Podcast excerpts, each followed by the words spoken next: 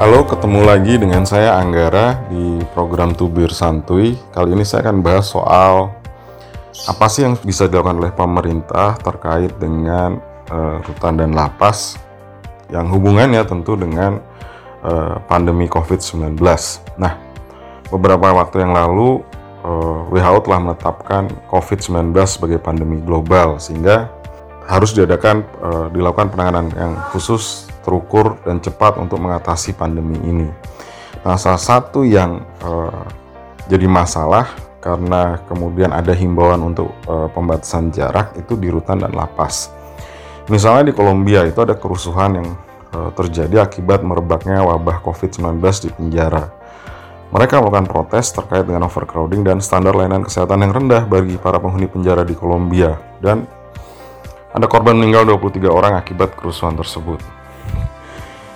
Nah, saya melihat bahwa di Indonesia juga mengalami hal yang sama karena angka overcrowding kita pada 7 Maret 2020 itu mencapai 104%. Ada beberapa hal yang bisa dilakukan selain memang yang sudah digariskan oleh Dirjen Pemasyarakatan.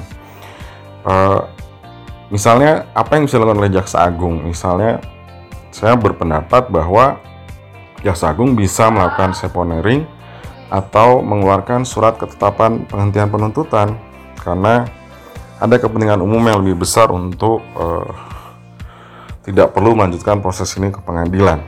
Nah, tapi tentunya ini harus dilakukan secara hati-hati dan terukur. Misalnya tidak dilakukan untuk perkara-perkara pidana yang menyangkut kejahatan terhadap tubuh dan nyawa, korupsi dan kejahatan serius lainnya. Tapi bisa dilakukan untuk Eh, perkara-perkara pidana terkait dengan pecandu narkotika atau misalnya yang kerugiannya kurang dari dua setengah juta rupiah atau ancaman hukumannya kurang dari tujuh tahun penjara. Untuk buat saya sih ada baiknya Jaksa Agung untuk tim khusus untuk melakukan evaluasi terhadap orang-orang tersebut. Nah, langkah apa lagi selanjutnya? Saya melihat Presiden bisa melakukan dua hal setidaknya. Pertama, memberi grasi atau abolisi. Eh, grasi tentu untuk narapidana, abolisi adalah untuk orang-orang yang sedang menunggu persidangan atau menjalani persidangan dalam perkara pidana. Nah, sama sebetulnya dengan dua cara ini Presiden dapat menggunakan kewenangannya untuk e, memastikan bahwa kita bisa meminimalisir dampak COVID-19 di rutan dan lapas. Tentu hal ini harus ditetapkan dengan hati-hati, membuat kategorisasi orang-orang yang berhak mendapatkan gerasi dan abolisi sama seperti yang saya sebutkan tadi di atas sebaiknya ini hanya diterapkan pada eh, orang-orang yang terlibat perkara pidana sebagai pecandu narkotika atau yang lainnya yang nilai kerugiannya dua dua setengah juta rupiah lain. Nah, instrumen lainnya apa? Buat saya seperti yang bisa dilakukan adalah memperketat atau menimbang syarat penahanan, juga menimbang untuk uh, mengalihkan penahanan dari penahanan rutan ke penahanan rumah atau kota.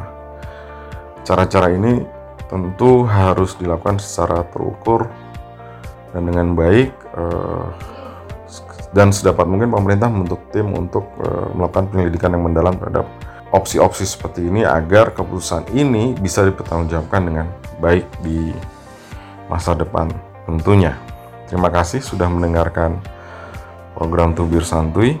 Ikuti kami terus di Twitter, fanpage, LinkedIn, Instagram at ngertihukum.id. Sampai ketemu lagi di program Tubir Santuy berikutnya.